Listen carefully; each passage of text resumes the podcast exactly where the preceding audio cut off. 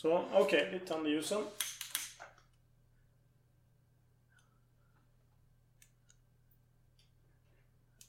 Du är inte så jätteduktig på att tända ljus, får jag lov att säga. Nej, julen infaller ju bara en gång per år. Så. Ja, du tränar inte mer än så. Nej. Sådär, men vad säger jag tycker lite för ljus här inne om jag ska vara helt Ja, ärlig. men Alex. vi låter ljuset först sprida sitt budskap här. Och så Stirrar vi lite. Men i Svenska kyrkan hade reklam förut. Än har mörkret inte besegrat ljuset. Ja, det här är ändå... Jag tycker ändå det här är okej. Jag, jag Ja, vill inte tycker- somna men, här men i du, stolen. men du ser ju inte din taklampa från Nej, din okej, position. okej. Jag måste ju tvingas sitta med din... Okej, ge mig lite tid här. Ska jag försöka. Hyfsat, alltså den, den är inte ful alltså. Det är en ganska trevlig taklampa du har faktiskt. Nu då? lov att säga. 15 procent? Ja, Ja, men ta, det ta, ta lite fem. Art Deco Nej lite. men fem, fem procent tycker jag. 5 procent? Ja, men vi måste ha någon måtta här. Nu är det 5 procent. Ja men det är fyra kanske. Ja, men kom igen. Ja, men fyra procent är nu är det alltid fel. 4. Får du fan skärpa dig. Fast tre. tre är, det är kyrkoval här. Tre, det tre. tre, är det tre. Fader, Sonen, Helige Det är Ande. tre. Det är tre. Är du säker? Mitt konunganamn skall vara Karl den sextonde Gustav. We shall never surrender. Kom inte med en sån jävla provocerande och aggressiv ton mot mig. Där har våldet triumferat. Ask not what your country can do for you. Ask what you can do for your country. Ska vi verkligen öppna en till flaska? Ja, vad fan har du att välja mellan? Skål, ta mig fan! I have a dream. Ah, I see you look at your leader. And I too look to you, Paul Bauma. It's one small step for man. One giant leap for mankind. Vilken jävla dag alltså. Du fattar alltså. Helt otroligt. Vi- Jag var ju på agility-tävling. Eh, på eftermiddagen här. Ja, det är ju sån här hundtävling. Hund- hundtävling, För er precis. som inte har ja, nej, men, och så min hund då, min sam, eller min fästmö. Vilken av dem? Ja, den äldre som är Ja, närmare sex år. Stjärnan i Ja, familjen. precis. Ja, precis. Till skillnad från mig. Nej, men han springer, han gör ett jättefint lopp, han missar, han gör en eh, tabbe, han diskar, diskar sig då, alltså man stryks från loppet då.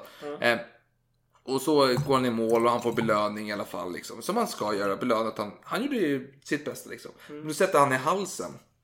Eh, vad är det han satt i halsen? Eh, belöningen, en ja. godisbit. Så han satte i halsen. Så jag får ju bli som den jävla, vad heter han? Eh, nej men Dr. Standish som han heter från Doktorn kan komma, vet du, den australienska serien. Jag kollade inte på den. Nej, det är ser så, så jävla tråkigt ut. Nej, se. är. Han vet, Standish är han med den här perfekta... Jag vet inte för jag... Nej, nej, så men- fort jag ser Men för skiten, lyssnar- stänger jag av. Ja, det är som, här- vad, heter, vad heter den andra? Den någonting på, prärien. gården. Ja, hem, hem till gården. Hem till gården och, och Huset någonting. på Huset på prärien. Alla de där programmen. Så fort jag ser att det går tv stänger Doktorn av. kan komma hade ju en av de mest...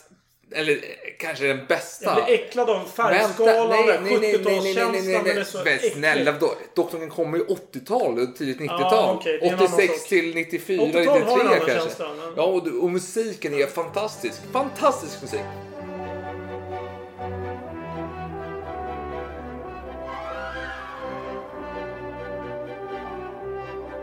Alla fall, men då, Dr. Standish, hette han så? Eller är det en gammal gubbe? Fråga inte mig, jag har inte koll på Men du vet, det är han som hade så perfekt hårsvall, äh, perfekt våglugg hade han i alla fall. Jag kände mig som honom för jag fick stoppa ner så här, öppna eh, käften på min hund stoppa ner fingrarna, tungan var nere i halsen. Jag fick bara riva, trycka ner den och till slut fick han ut den här jävla biten. Oj, bra jobbat, så du har räddat liv här. Ja, faktiskt, innan, faktiskt, Innan, innan du börjar dricka vinet här så vill jag ändå dra en liten berättelse om, Om var vinet? kommer ifrån. Ja, Vad, vad dricker vi då? Du Ja. kanske ska berätta vad vi dricker? Jag ser inte. precis. Det är det jag tänkte göra. Ja, eh, Chateau de Comara, och det är väl inget känt hus kanske? Eller ja, vad vet jag? Jag är ingen sån här burgund Jag måste bara berätta en sak, men- det är en rolig grej till. Jaha. Precis efter detta skedde med hunden då, att jag, jag lyckades få honom med lite assistans. Jag hade, det var fler runt omkring mig då som hjälpte till att hålla honom och så vidare. Men han eh, fick ut den här biten i alla fall.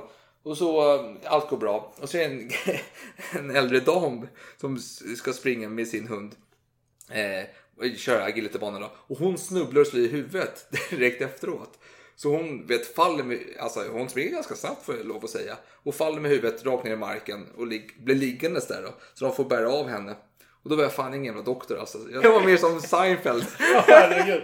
Okej, hon, Ja, hon behövde ingen vård där. nej. Ja, men- En äldre dam är inte lika allvarligt som Nej faktiskt inte. Alltså, min hund går före allt och alla, även dig Alex. Ja, ja, ja. Det har- jag förstått än en gång faktiskt. Ja men faktiskt. Så det, var, det var en händelserik dag faktiskt. Ja. Jävligt händelserik. Det väldigt spännande. Alltså nu är jag fan trött alltså. Ja, jag, men- och sen har jag faktiskt problem med öronen också. För gud, jag vet, jag, jag, Vad är det som har hänt? Någon som har skrikit på dig? Nej, nej, alltså jag har ju sett några kronor. Jag är ett öronbarn ska tilläggas. Så jag har ju något problem med öronen. Jag har ont Alex, jag har Ja, ont, jag, jag, förstår, lider. jag förstår. Men du ska snart få botemedel. Nej faktiskt, jag har faktiskt medel för öronen. För att jag upptäckte idag att det gick ut för sex månader sedan. Jag tänker, kan det vara farligt? Pratar du om medicin nu eller? Ja men örondroppar. Ja. Det gick ut i... det kan det är bara mindre verksamt. Ja, jag tycker samma ja, sak. Så borde det vara. Ja. Men Sex månader är ingenting. Det hade varit 60 år, då hade jag blivit orolig. Du är ändå liksom eh, fältläkare, Ja, men nej, nej? Ja, fast det är, det är mer liksom, har du blivit av med benen kan jag hjälpa till. Men jag kan ju inte ge, ge medicinska råd. Nej, men hur som helst. Den här vinet då. Eh, Vån, det är ju Vågesan. Det är ju den här eh, fantastiska bergsluttningen där, där Fonk höll till. Eh, och eh, Romané känner vi till från Romané Ja, Conti. ja, ja. Så det här är ju en fin del av eh, Bourgogne. Och vinet kommer från tropikerna. Konstigt nog. För jag var ju där i Franska Antillerna och hängde. Och eh, fick feeling. Och gick in på en stormarknad, köpte det här vinet. Tyckte det såg trevligt ut. Förde med det tillbaka till Sverige. Jag har beräknat att det här vinet har färdats eh, ungefär 14 750 kilometer. Så nu måste vi prova det. Du har redan börjat smutta. ja, förlåt. Jag, jag, jag visste inte att vi skulle vänta tills du hade hållit ditt tal till vinet. Men det var fruktigt. Ja, Eh, väldigt lent. Men det är Bur- Burgundier är Ja. ju så. De är inte så... De är lena, de är inte som norman, normandier. Vad säger man? Lite mer råhuggna. Som vi minns från avsnittet om monstret i Gévaudan. När varje, varje mannen kom. Ja, just det. Eh, Eh, Vilken av dem? Det var många män. Ja men från- eh, varje jägaren. Den där dåliga, han med sonen Ja som precis, från. Normandie. Ja precis. De var ju råbarkade och dåliga. Precis, precis. Eh, Fast de var, de var ju ändå tama. De hade ju ingen... De hade ju bra rykte men så var de ju, visade de sig vara mjäkiga. Hundarna var gamla och slitna och gjorde Jo, inget. men alltså en burgundier är lite mer mjuk, lite mer... Alltså, li- jag tänker lite mer, gillar mer poesi än att fiska torsk i Engelska kanalen. Det är väl lite... Mm. Jag vill inte uttala mig för mycket om vinet än. Vi låter det sjunka in och... Eh, Verkligen. eh, precis. Du, du, du känns lite berusad. Ja, lite grann. Jag har druckit lite grann innan här. Innan du kom in. Ja, ja, ja. Du blev försenad. ja att, eh, med fyra timmar. Jag kunde inte... Jag visserligen eh, läste på mig lite mer och in på ämnet sådär men man blir ju uttråkad så måste hitta på någonting. Ja, Så, varför inte korka upp en flaska eller två eller tre och dricka? så många blev det inte. Nej, men två kanske. Men nu apropå... Blev det två flaskor? Eller var det en Ja, flaska? eh, Två? En, två? Nej, jag hade lite kvar av en champagne så det var ju väl en och lite till. En och en halv. Nej, en halv var det inte. Alltså det var en och en tiondel kanske. Ja, det var lite Någonting. svagt faktiskt. För fyra timmars Men det var inte försening. jag som drack den själv här, utan det var ju en, en gemensam vän där som... Ja, men i alla fall, nu tänkte jag ta, att vi tar tag i den här leken. Vänta, vänta, vänta. Vi måste bara säga det. Välkomna till Salongsberusade historia. Del 10 tror jag att det är faktiskt om Sara Bernhardt. Så om det... Men avsnitt 70 kanske. Ja, Någonting sånt. något sånt. Och för den nytillkomna lyssnaren så rekommenderar vi nog att lyssna tyvärr på de föregående nio avsnitten om Sara för att få helhetsbilden. Men jag tror nog även att man kan hoppa in och lyssna på detta avsnitt och hänga med relativt bra i alla fall. Ja, det är inte så många tillbakablickar utan vi kör på. det är ganska Vi har inte riktigt tid att blicka tillbaka för det finns ganska mycket att prata om. Så vi har nog x antal avsnitt kvar om Sara. I alla fall två avsnitt till skulle jag tro att det blir. Mm. Ja, det går långsamt där. Sakta men säkert. Sakta Det är men säkert. aktiva år vi avhandlar just nu. Det. Men du, förlåt, du hade en lek här vi skulle leka. Ja, just det.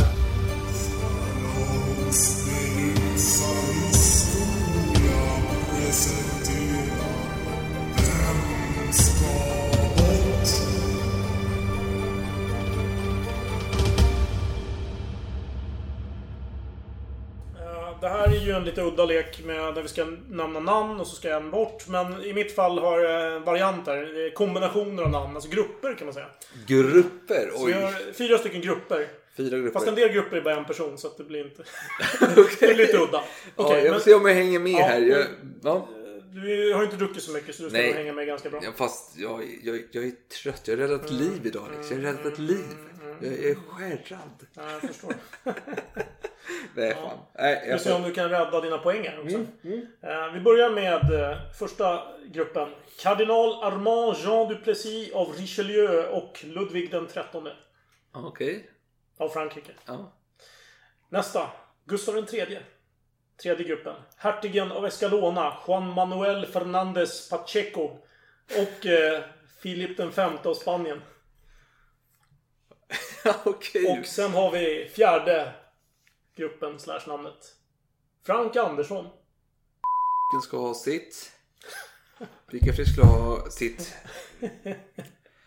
Gustav III var inte känd för att han skulle ha sitt. Alltså det var ju mer motsträvigt kanske att han fick sitt. Men eh, Du är redan nu inne på en tankebana här känns det som. ja, alltså jag, jag skjuter från höften.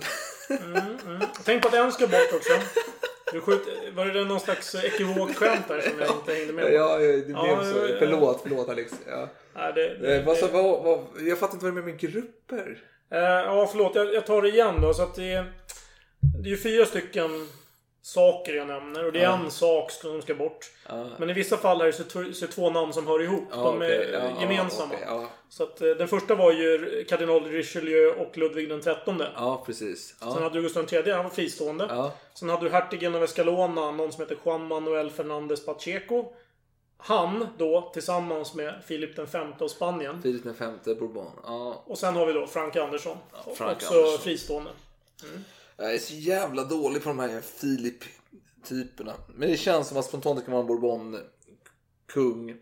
Okej, vi börjar från början. Richelieu och Ludvig den XIII. Det var den grå eminensen. Josef. Eh, jag tänker på där. Och vad kan vi få? Richelieu och eh, grå Som eminensen. inte är någon av de där två, utan det är någon som är i sådana fall anknytning till dessa två.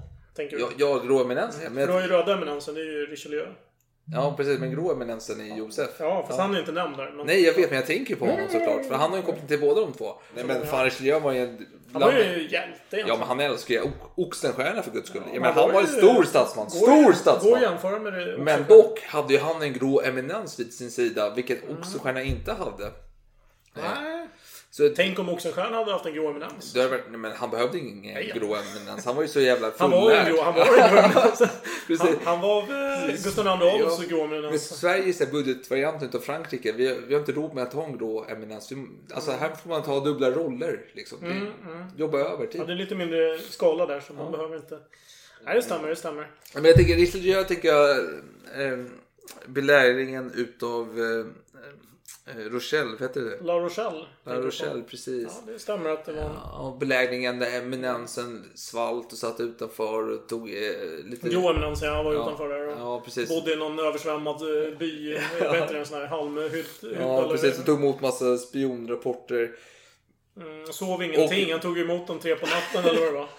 Ja, man får Och Ludvig trettonde skulle resa hem och... Ja, fan, nej, det kan inte ha någonting med att göra, men... Vänta. Okej, vänta nu, vänta nu! Richelieu, Tre musketörerna pratar vi om. De tre musketörerna. Eh, Gustav den tredje. Frank Andersson. Har han en tre OS-guld eller vadå? tre, det känns jävligt Jag långsamt. tänker att tre skulle vara det gemensamma. Nej. Mm. Nej, okej. Jag är inte klar. Nej, nej. Jag, Ja, jag tänker högt. Jag tänker högt. Ja. Jag tänker att Tre musketörerna känns ändå... Det är den här schablonbilden vi har utav Richelieu och, men, och Ludvig XIII. Men är inte han ganska fjollig i De Tre musketörerna?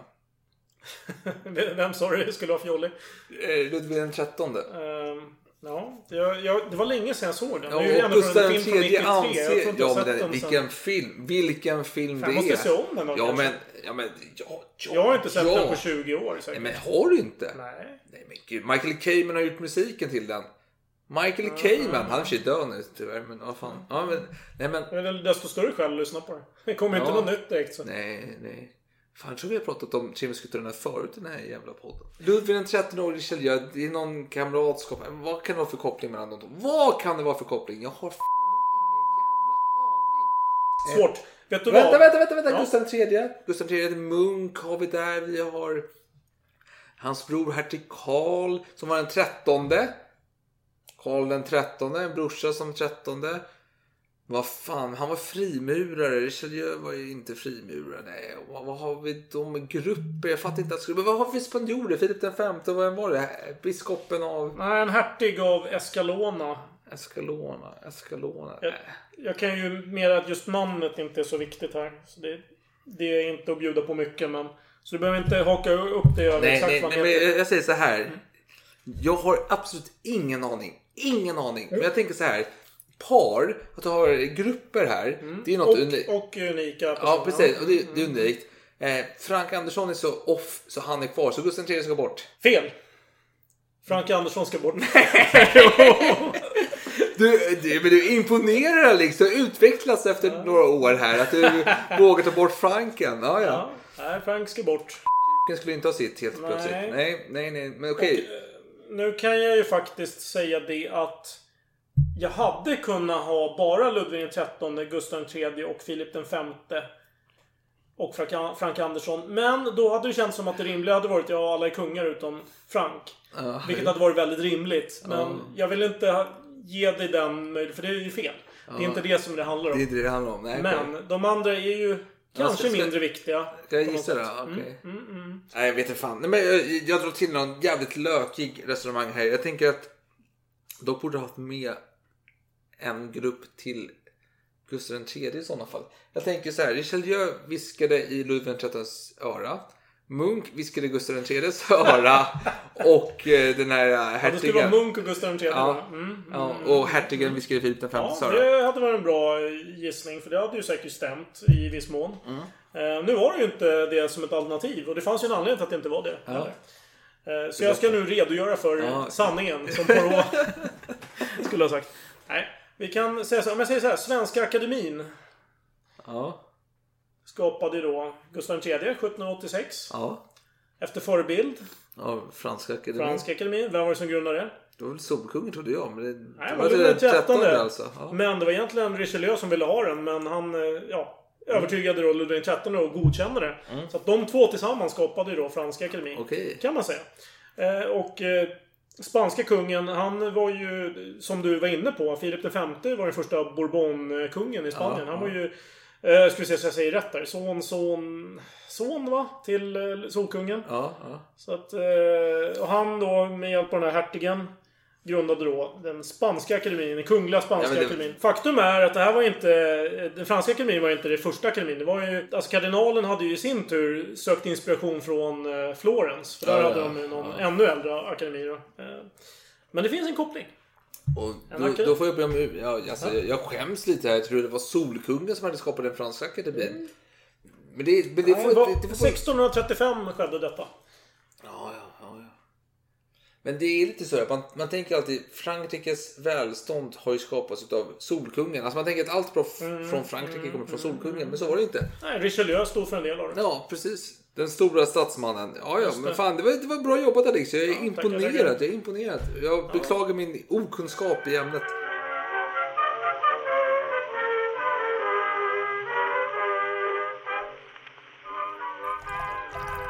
Ja, men ska vi prata om lite Sara eh, Bernhardt. Oj, det var länge sedan och det var... Det är så lite vi har pratat om Sara, Ja. så det ser jag fram emot. Ja, fan, hur många timmar det har blivit nu alltså. Ja, men i alla fall. Hon ska åka till Amerikat. Ja, det ska hon. Och vi är nu inne i oktober. Börjar ju faktiskt eh, likna våra eh, datumet som vi sitter här och spelar in. Ja, Eller kanske när det släpps snarare. Vad vet Ja, jag? Eh, 15 oktober 1880, klockan 6 på morgonen. Så gick Sara Bernard in i sin hytt på skeppet L'Amérique. Alltså en... Ståtigt. Ja, ett härligt skepp. Eh, och den här hytten, den var väldigt stor. Men och, vän, ja, Va? förlåt. Vill du säga nej, nej, nej, jag vill inte säga någonting. Jag vill inte säga någonting alls. Fortsätt, jag ber om ursäkt. Jag avbröt onödan. Okej, du, vill, du vill ta upp saker som hände innan hon går in? Nej, inte alls. Jag vill inte ta upp ett skit faktiskt. Jag vill bara låta. Okej, okej. Eh, ja. Eh, Sara inspekterar såklart sin hytt för hon ska ju ändå vara i den här båten några...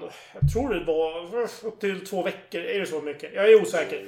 Det Det, tar tid att åka över Atlanten va? Ja, Hon vill kolla in hytten. Hon går in. Hon ser att den är stor den är dekorerad med initialerna S.B. Så de är överallt. Det är någon som har gjort ett jävla jobb här.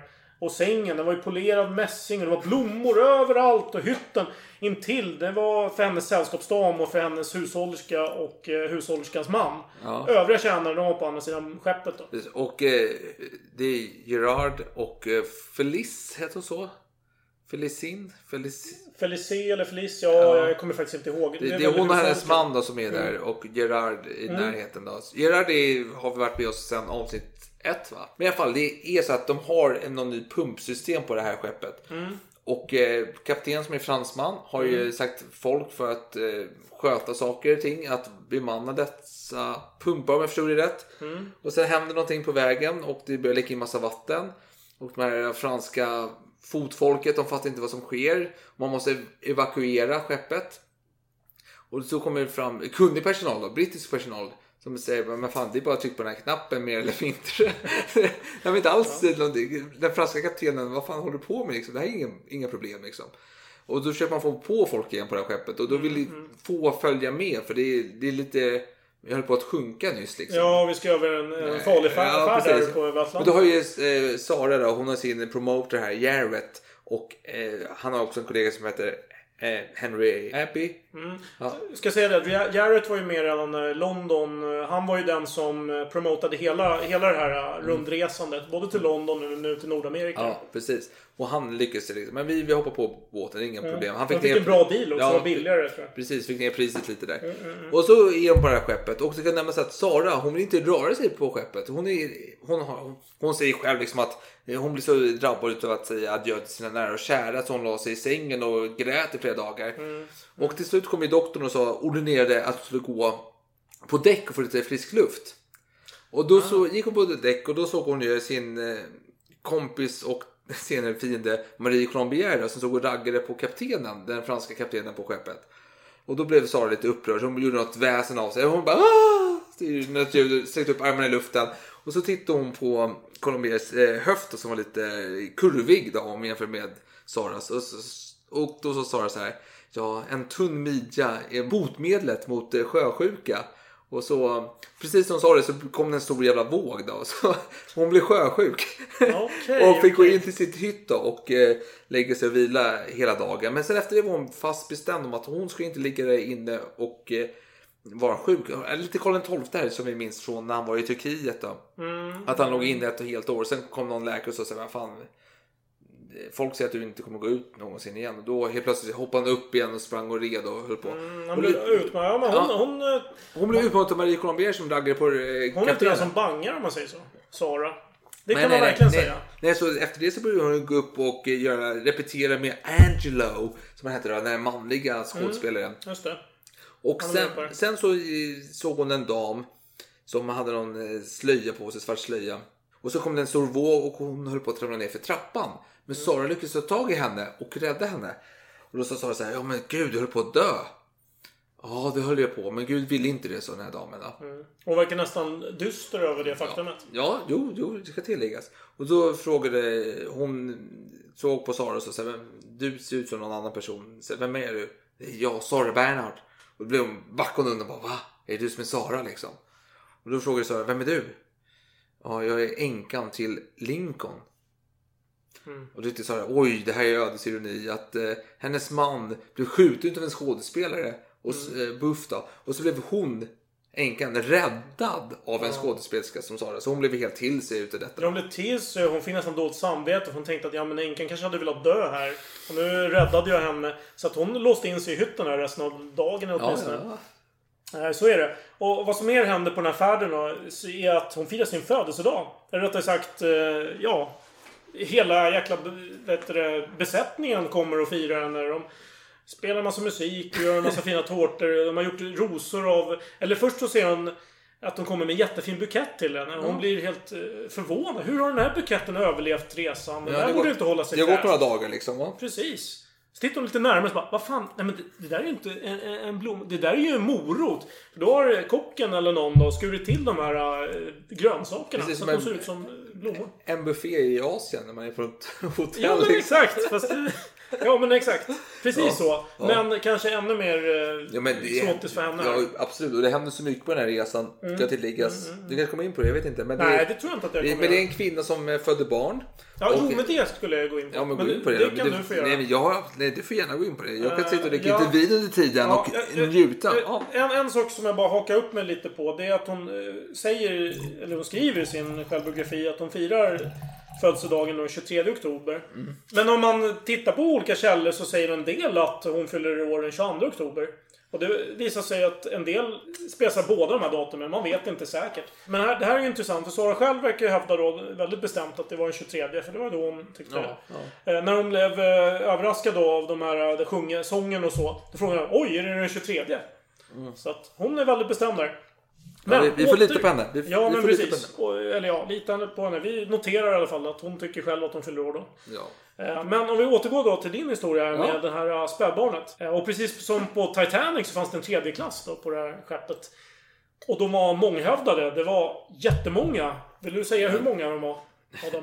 Om du sätter mig på kanten här. Men jag tror det var runt 750 stycken. Ja. Och då att jämföra med första klass och besättningen så var ja, mindre, än, 150 mindre än styck. 200 man. Det var Ja. 170 kanske. 150-170. Hur som helst. Men då var det något eh, barn då som hade fötts där nere i tredje klass. Och av någon anledning så var Sara närvarande. Ja, men de kallar det på Sara. Från, jag vet inte varför, men hon skulle vara med nej, där. Hon skulle vara med. Hon går ner dit, hon ser att alla är skitiga, de ser lite lömska ut faktiskt. Ja, jo. Då började båten kränga och då tappade en del av de här uh, fattiglapparna sina vapen faktiskt. Eh, och de tappade knivar och allt möjligt. Du ser besättningsmännen och bara vad fan, så roffar de åt sig de här vapnen.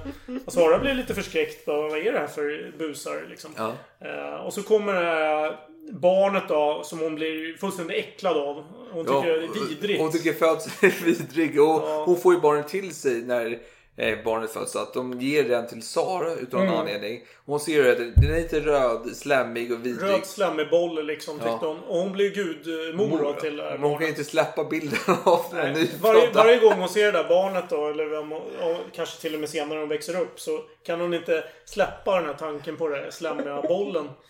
Så hon blir lite äcklad.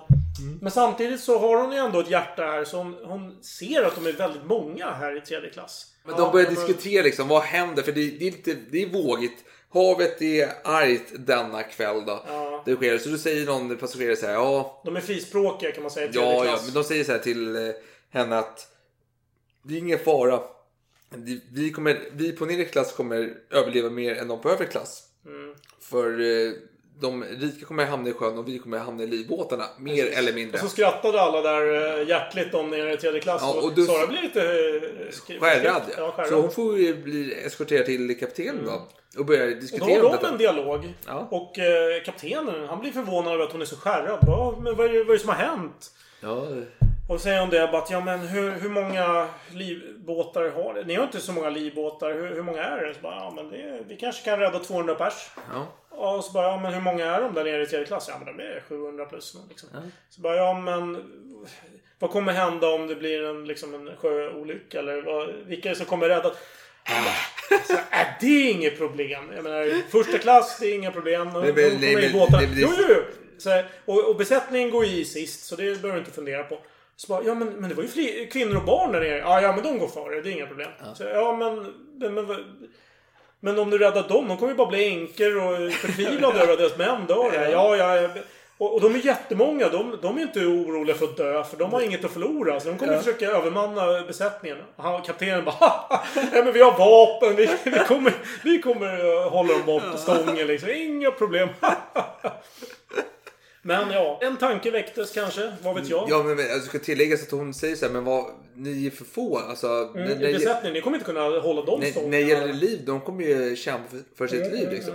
Och vi, vi, vi, vi ska ju tillägga, som du nämnde tidigare, detta är ju innan Titanic. Ja, hon innan skriver Titanic. även detta innan Hon Titanic. självbiografin 1905. Titanic Den släpps 1912. väl? 1907. Släpps väl Ja, men, ja, Ja. men säg att det är där omkring mellan 1905 Titanic är 1912. 1912, ja det Ja, stämmer. och sen har vi precis 1912. Så att det, så är det. Jo, och eh, det Så hon hade ju rätt där. Jo, men hade, då- no, hade skeppsbyggarna vid, vad heter White Hart eh, Lane Line eller vad fan de heter, den som Ja, ja.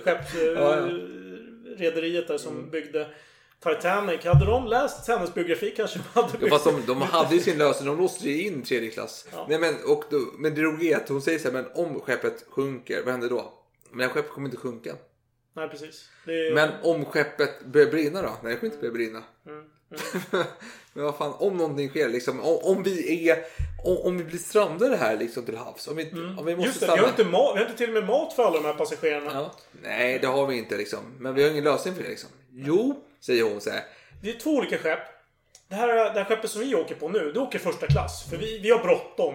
Alltså vi är ju rika, vi har bråttom. Sen har vi den här tredje klass, de kan åka segelbåt. Ja. Men då sa kaptenen, ja men en segelbåt, det kommer ju ta mycket längre tid. Ja precis, för man säger så här att de rika är alltid på väg till något. Mm. Medan de fattiga har aldrig någonting att komma till. Så de... de... De kan gärna sitta av tiden liksom. ja, precis. Så att, där det är ändå lösningen. Ja, nu kan tilläggas att det händer mycket på den här resan. Alltså det börjar helt plötsligt från ingenstans så börjar det snöa.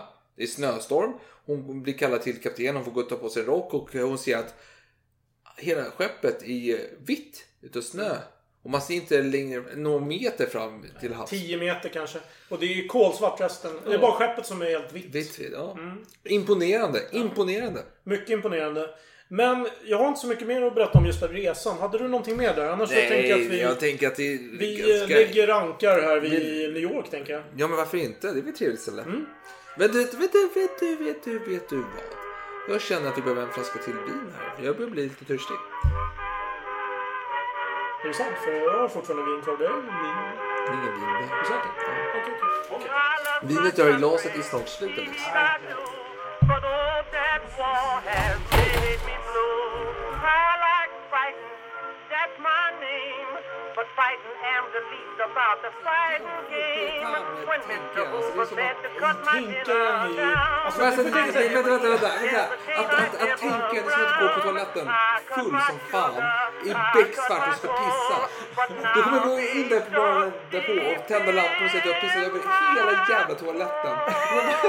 Det tänka jag, stoppa mig. det. jag måste stoppa det. Skit ska skit ha. Har du hört det uttrycket någon Ja, jag tycker att vi har spårat ur. Vi återgår till vinet tycker jag. Ja. Det är en Pomerol och jag minns inte på rak arm om det här är ett vin som jag...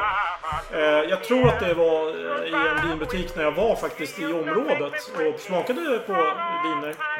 Som jag köpte Du är detta. så fransk Men, Alex. Jag älskar det. Jag älskar det att du är men, fransk. men jag vill säga det att jag har inte varit på just den vingården som det här kommer ifrån. Utan de, i byn, i Saint-Emilion, så har de ju eh, liksom koppar som man köper loss lite helt enkelt. Som sig bör, som, Som sig bör. bör. Men åter till historien. Nu kommer vi fram till New York här, helt plötsligt. Det är väldigt tidigt på morgonen. Men det är jäkla massa människor eh, framme här och redo att möta henne. Det är väl, eh, ja om vi ska ta nutidsreferens så har vi ju när eh, Greta Thunberg kommer med någon båt där. Då var det en del folk som stod och tog emot henne.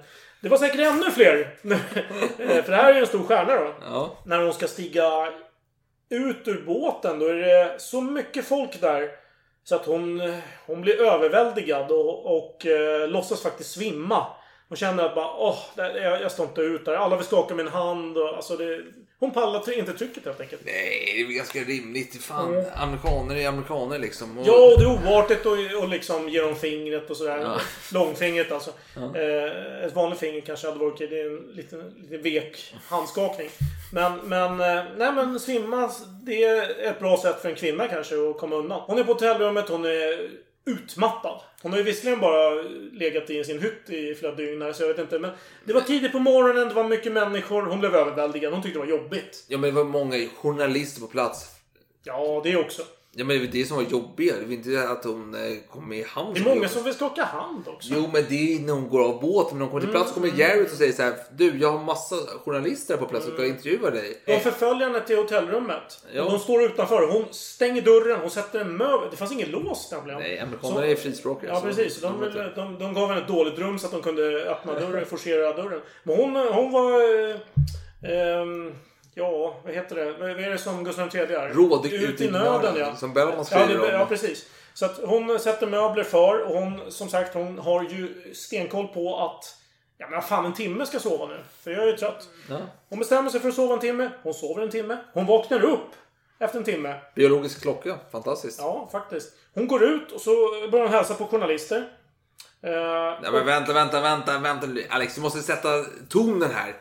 Hon, Ja. hon klär av sig och ber Felicia, eller vad vi kallar det för. Ja, Felicia, ja. Ja, hämta en vit klänning. Mm. Fem minuter senare är hon iklädd denna vita klänning. Hon känner sig Hon är representabel. Hon går ut hon ser att i salen de ska ut i, men det är ju massa eh, byster utav Molière och... och Ja, och så- Victor Hugo Ja, ja, alltså, man har ju ansträngt sig här. Ja. Man har tagit konsthandlare som har tagit dit massa byster utav kända franska Mm. aktörer. Att hon ska känna sig välkommen. Ja. Eh, Och då är ju massa människor. Och hon frågar så här, är de kvar? Till sin Felicia. Och, eh, hon säger till Sara att nu är de inte... De är kvar. Men de är inte 50 stycken nu. Nu är de ju 100 stycken här. Oj, jobbigt. Eh, nej men Sara går ut då och möter dem i sin fina vita dräkt då. Eh, men hon reagerar på att de är oartiga.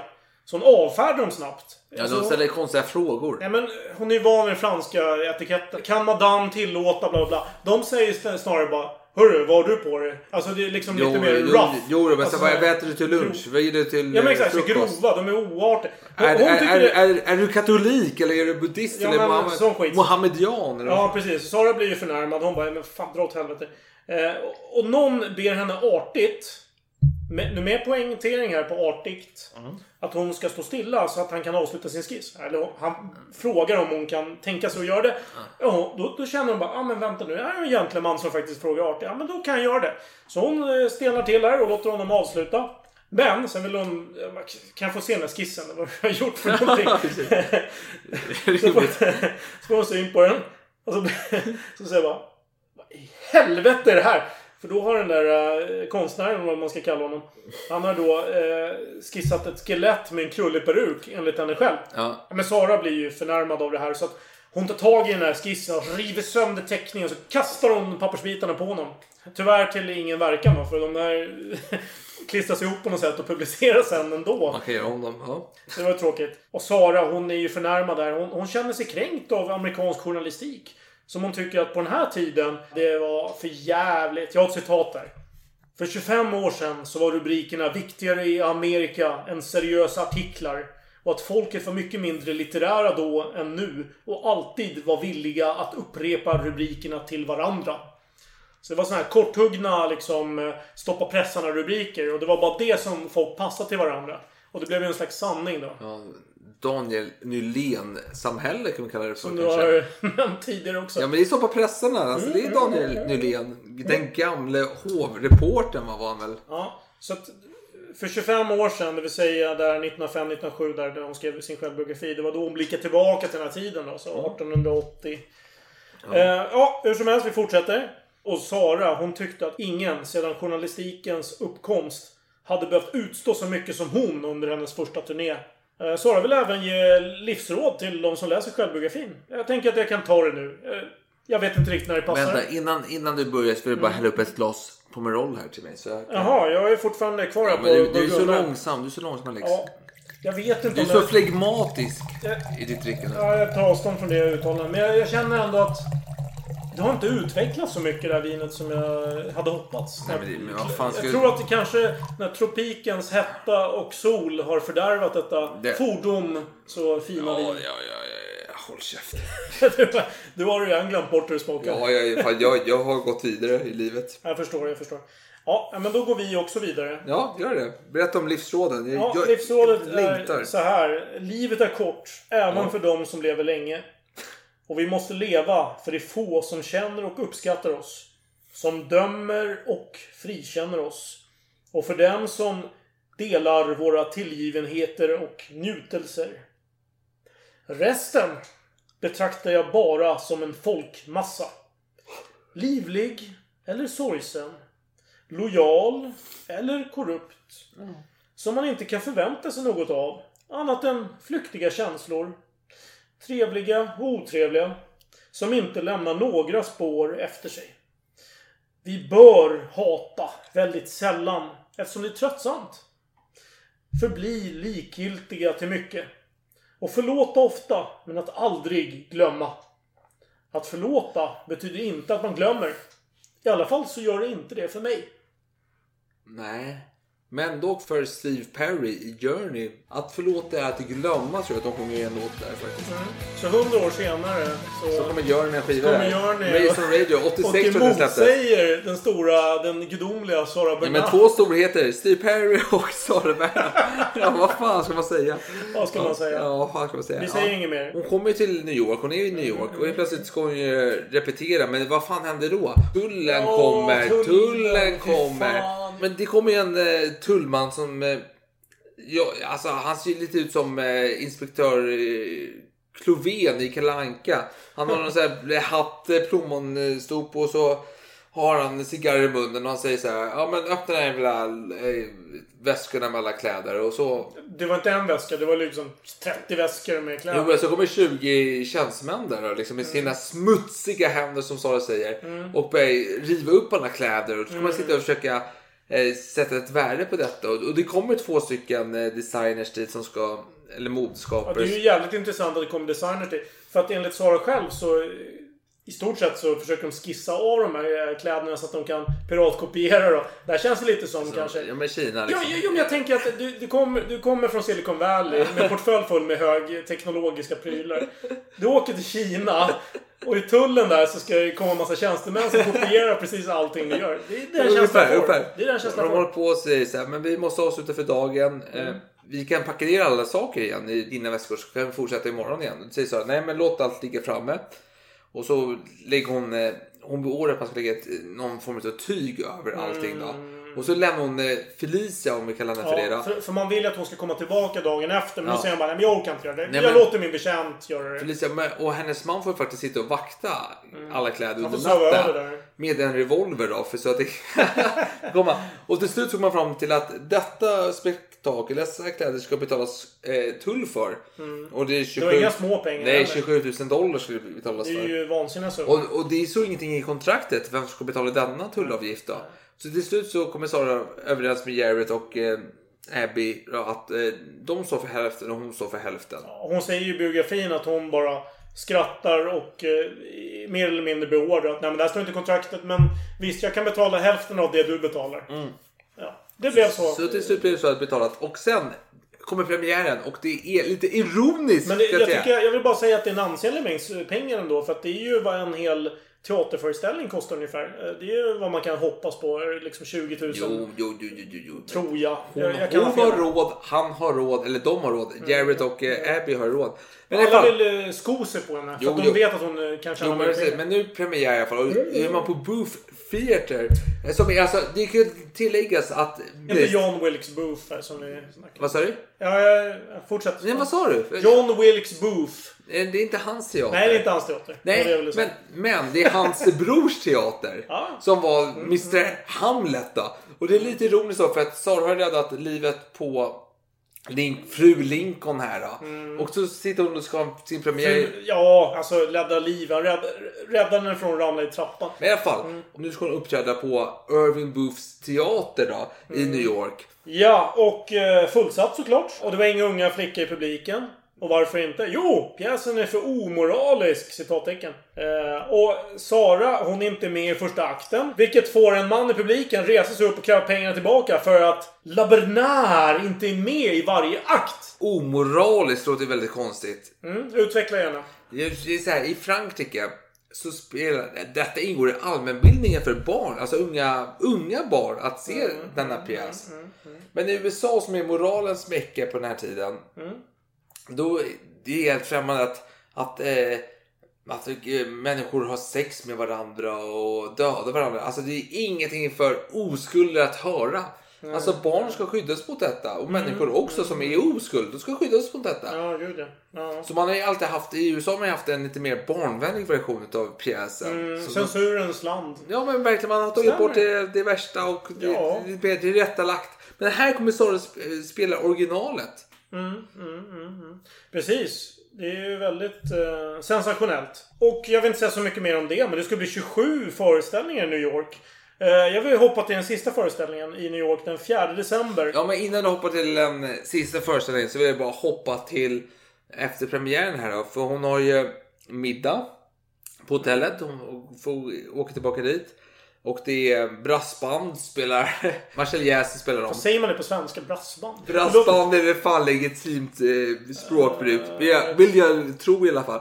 Och så hon får gå ut när hon äter middag där och gå ut och buga åt eh, band spela utanför och folk som hurrar. Niga gör man väl ändå eller? Ja men hon niger kanske, hon, hon, hon gör fan vad hon vill. Hon är en stjärna. Jo, jo. Och eh, alla New York-bor står där utanför och ropar och hurra, hurra! Och hon går in igen och ser hennes amerikanska vänner så här. Ja, ja du. Inte ens kejsaren av Brasilien fick ett sådant bemötande. Och det är väl säkert Peter den andre misstänker jag då, som är kejsaren på den tiden. Alltså, han dog väl strax därpå. Brasilien kanske inte så mycket att hänga i. Nej, nej, men du sa en annan amerikansk vän. Jo, men, men det var ju bara kejsaren liksom. Det, Ja men exakt. Ja men titta. Jag, jag har en koppling här till den här fransmannen där från 1800-talet. Ja, Jo men amerikaner älskar liksom att eh, hurra och jubla för saker de inte vet någonting om. Och det kan nämnas i den här pjäsen. Det finns, eh, alltså det är en pjäs, eh, Ludvig XVs tid. Det finns en eh, skattkammare som är väl, eh, alltså, kommer man säga. Den, det är spektakulärt på scenen när det kommer den här specialeffekten för den här skattkammaren.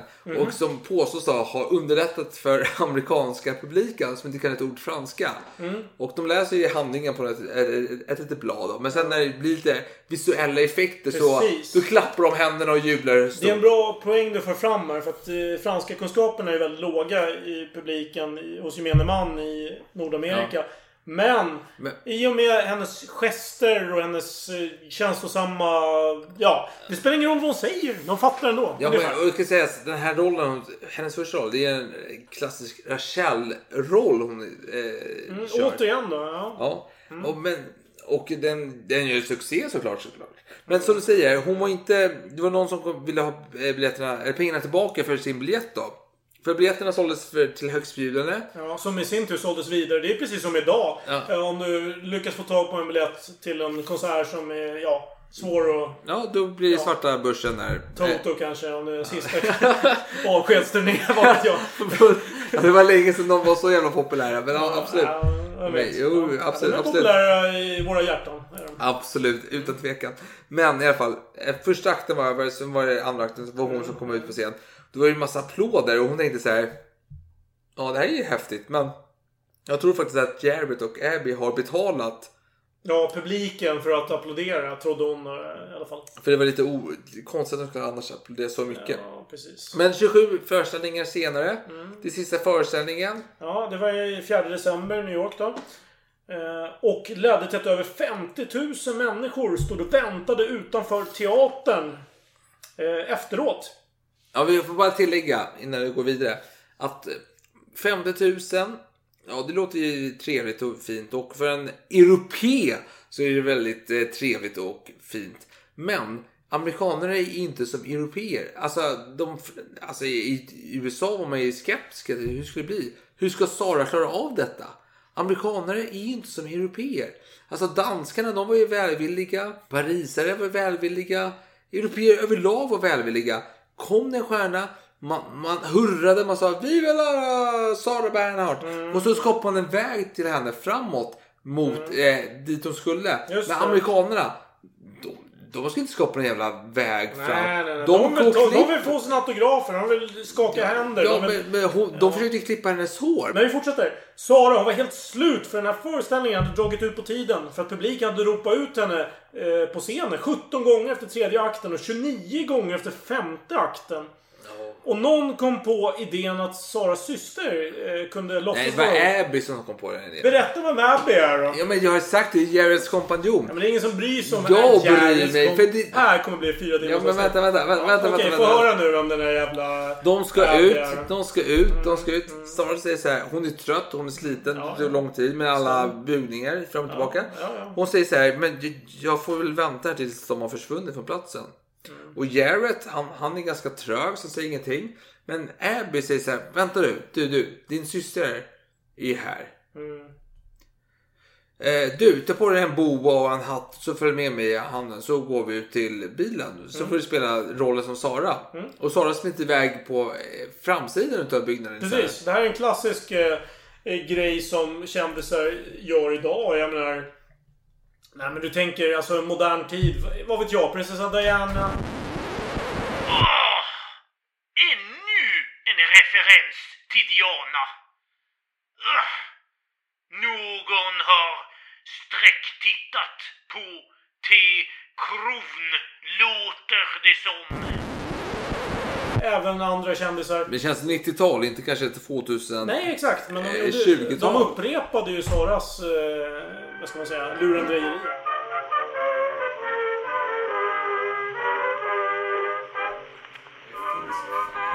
Fan kan du vara så jävla full? Du är ju knappt Du druckit. dricker inte. Alltså, du är fan... Jag dricker hur mycket som helst. Du, du är fan. Okej, nu ska vi lugna oss här. Okej. Ja, men efter det här, eh, vad ska man kalla det? Con artist eh, pranket. Vad, vad, fan, vad, vad kallar man det? Lurendrejeriet. Eh, så var det dags att eh, ta sig ifrån New York. Ja. Och eh, nästa destination var egentligen Boston, men hon hade ändå planerat ett kort besök på Menlo Park. Och vad är då Menlo Park? Berätta för mig. New Jersey. Jo, det är där Thomas Edison bor. Ja, men vad fan vad kul.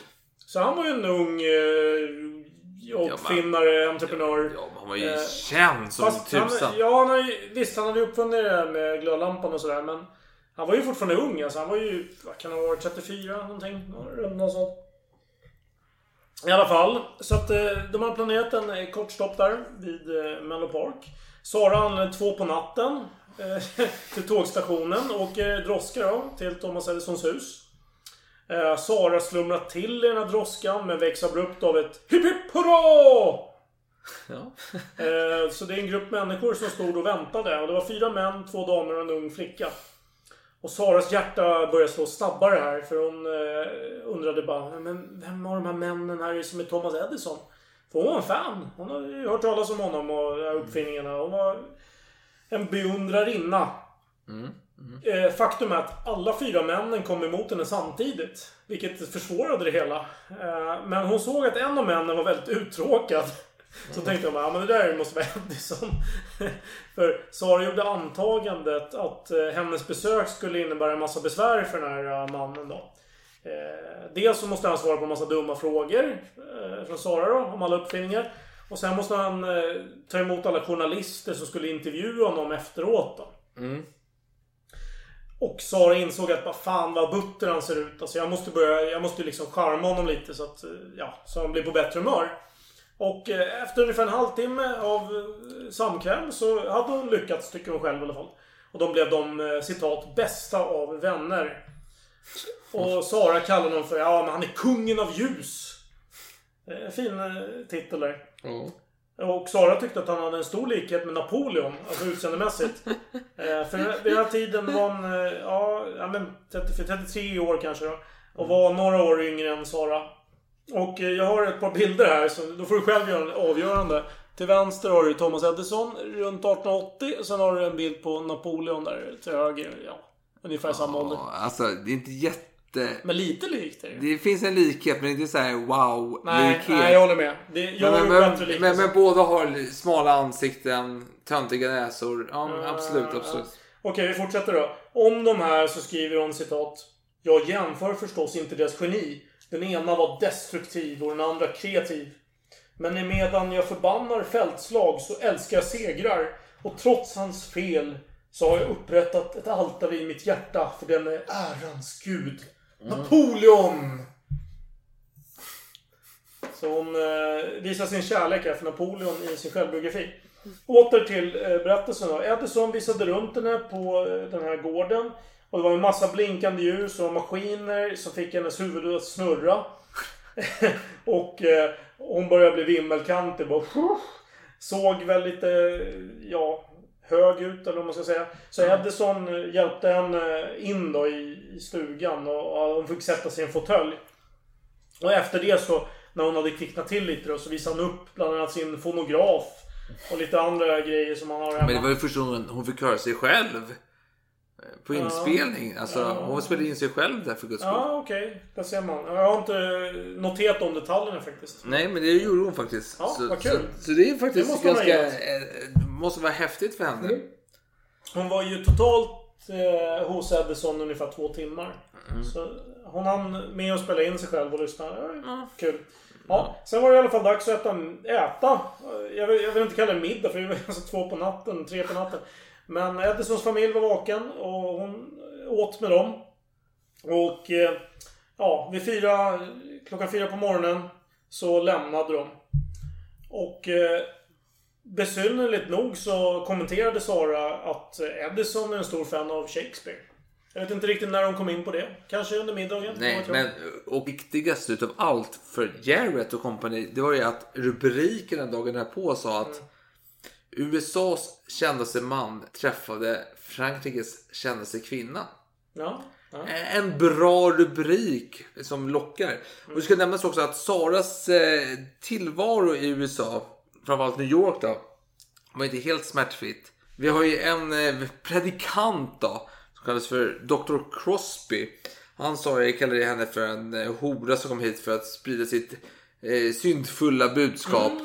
En, en annan kristen eh, tidning då skrev att hon var en um, lömsk, korrupt kurtisan då, som stoltserade med sin illegitima son. Och att hennes eh, verk då var syndig och så vidare. Mm, nej, de var inte ensamma i Nordamerika att eh, ha dessa åsikter. Nej, det var... Det, det, Det var väl en del av det som Sara tyckte var så hemskt då med pressen där. Att de skrev hemskheter om henne.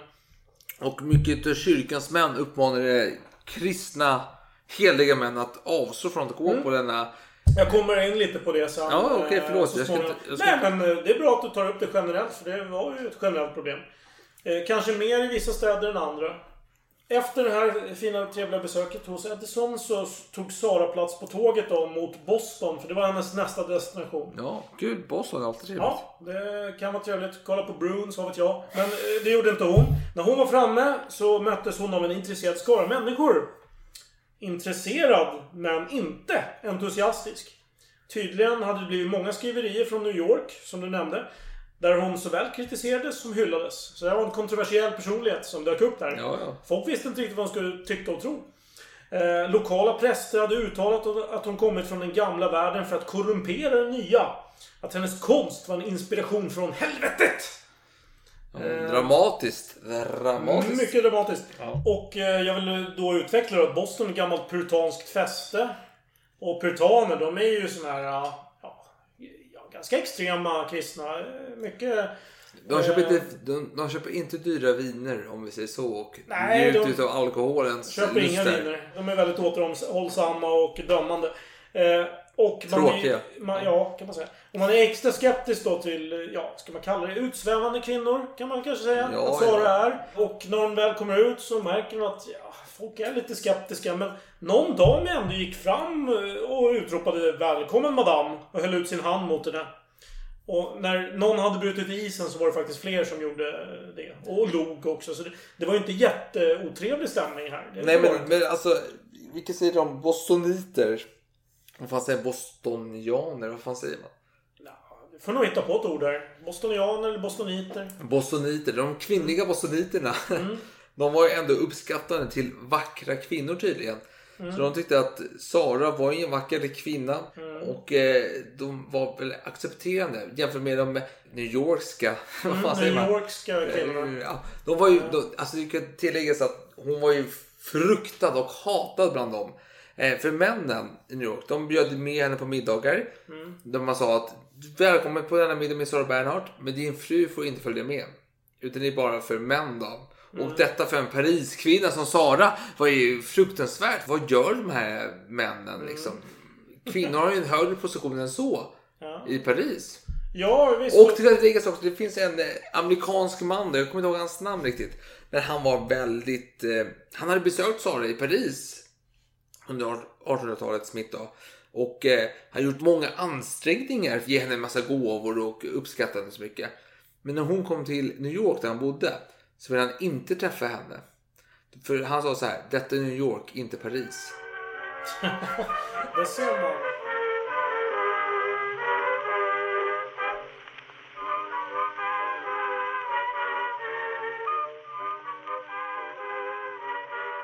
Då kan jag väl även lägga till kommentaren som Sara noterar i sin biografi att Eh, kvinnorna i Nordamerika jobbar inte. Eh, Nej. men de kan vara flitiga ändå. Liksom, de har bråttom till olika nöjen.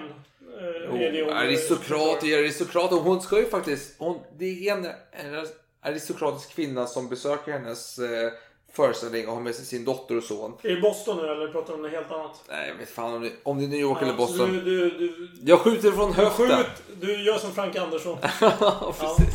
Okej. Eh, men i alla fall, och eh, till, helt plötsligt kallar hon eh, den här damens son till sin loge. Och då tänker jag så här, shit nu ska hon försöka göra vuxna saker med den här sonen i, i logen då. Men helt plötsligt sitter hon, Sara, och frågar ut den här sonen om att kan det vara möjligt att jag får skulptera din syster? Liksom, kommer din mamma godkänna det liksom? Så helt plötsligt så får hon eh, eh, skulptera det, detta barn då.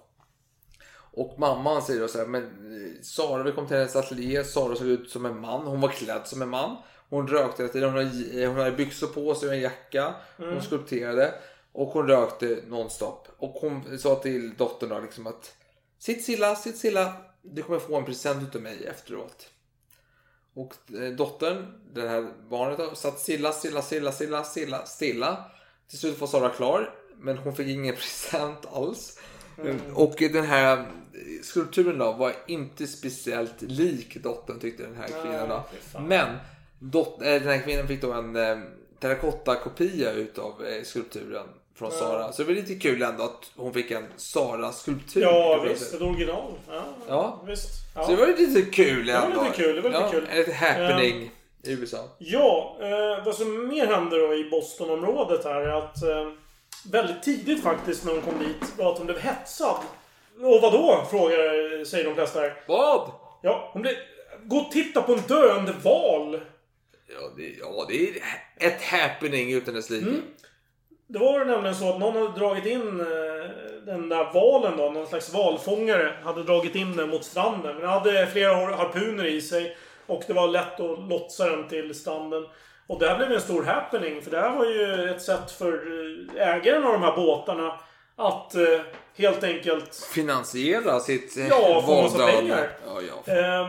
Han som var ägare till den här båten hette Henry Smith. Ganska...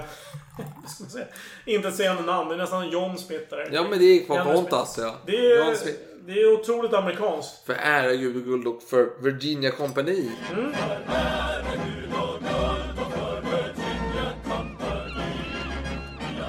Men här Älskar mig. ägaren i alla fall. Han hetsade Sara. Du ska gå och titta på valen.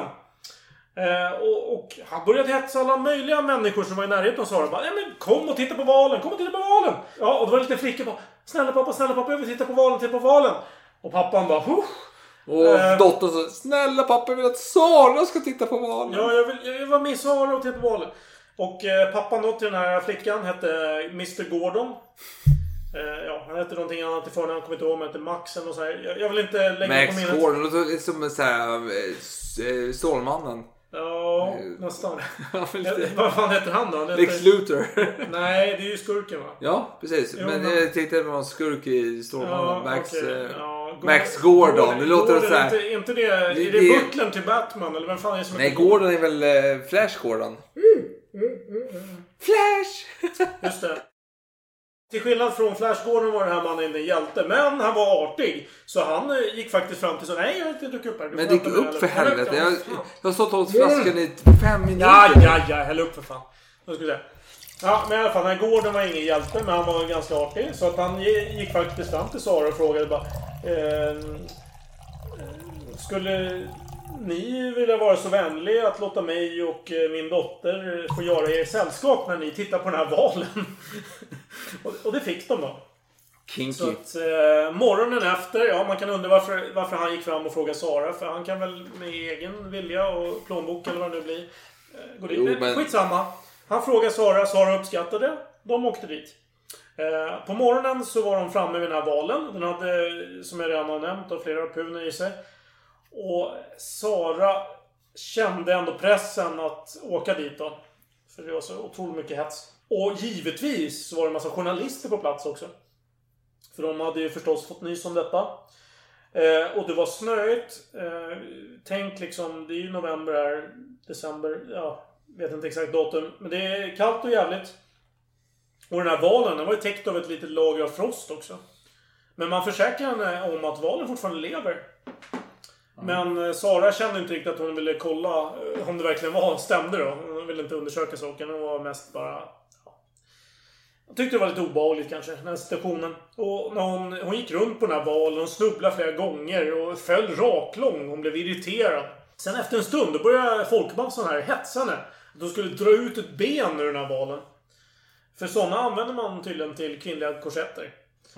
Eh, Sara hon kände en viss motvilja men till slut så gick hon med på det. Och så gjorde hon det. Hon ryckte ut ett ben då.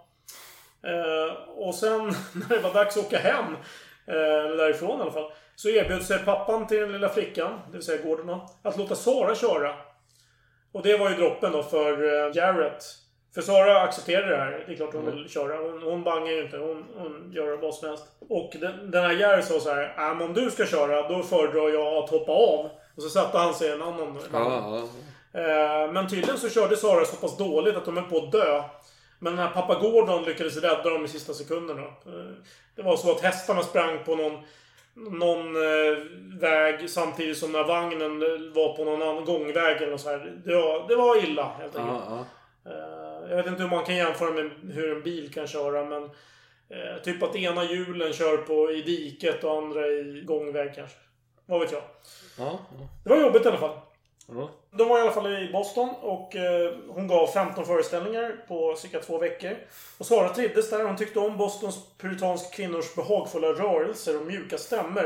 Och hon skriver att citat Uppfostrade i det strängaste av traditioner så verkar den bostonska rasen vara den mest raffinerade och mystiska av alla Amerikas raser. Eh, intressant teori där att det finns raser inom de olika regionerna i USA. Men det var Saras eh, uppfattning. ja. Men i alla fall, nu ska de vidare. De ska till New Haven, Vermont. ja vad trevligt. Eh, så det går nordvästerut, eh, tåget här. Eh, om man ska köra På spåret-avsnitt, vilket vi inte ska. Men ja, alltså man hänger med lite här vad som händer. Hon kommer till hotellet. De möts hon av ingen mindre än valmannen Henry Smith. Som blir förvånad. Men, men hon, hon hör en massa oväsen utanför. Vad är det som händer? Det är blåsinstrument och jag citerar. Jag såg en enorm vagn omgiven av en eskort med negrer uppklädda till spelmän. På denna vagn var en abominabel, monstruös färgad annons föreställandes mig ståendes på en val, slitandes ett ben ur den medan den försökte försvara sig själv. Och och hon, hon tycker att det finns några... Ska man, hur ska man översätta det här? Sandwichmen. Alltså jag tänker mig typ levande reklampelare som går med såna här skyltar på sig. Eh, ja, hon såg sådana då som följde efter den här vagnen med posters och på dem så eh, stod det så här då. Citat. Kom och se den enorma Ketakian, Alltså Ketakian är latin då för val. Den enorma Ketakian som Sara Bernard dödade genom att slita ut ett valben för hennes korsetter. Och sen, förutom detta så stod det också information om vem som kunde göra de här korsetterna och var man kunde hitta den här Ja, skräddaren och vad man kalla. Så att här var det någon som gjorde business här på Verkligen, hennes eh, verkligen. besök. Man fick ju en förklaring till varför hon lockades till att gå på den här valen och rycka det här benet. Ja. Sen fanns det andra då som hade skyltar som löd Valen är lika blomstrande nu som när den var vid liv. Eh, för tydligen hade man släpat med sig den här valen.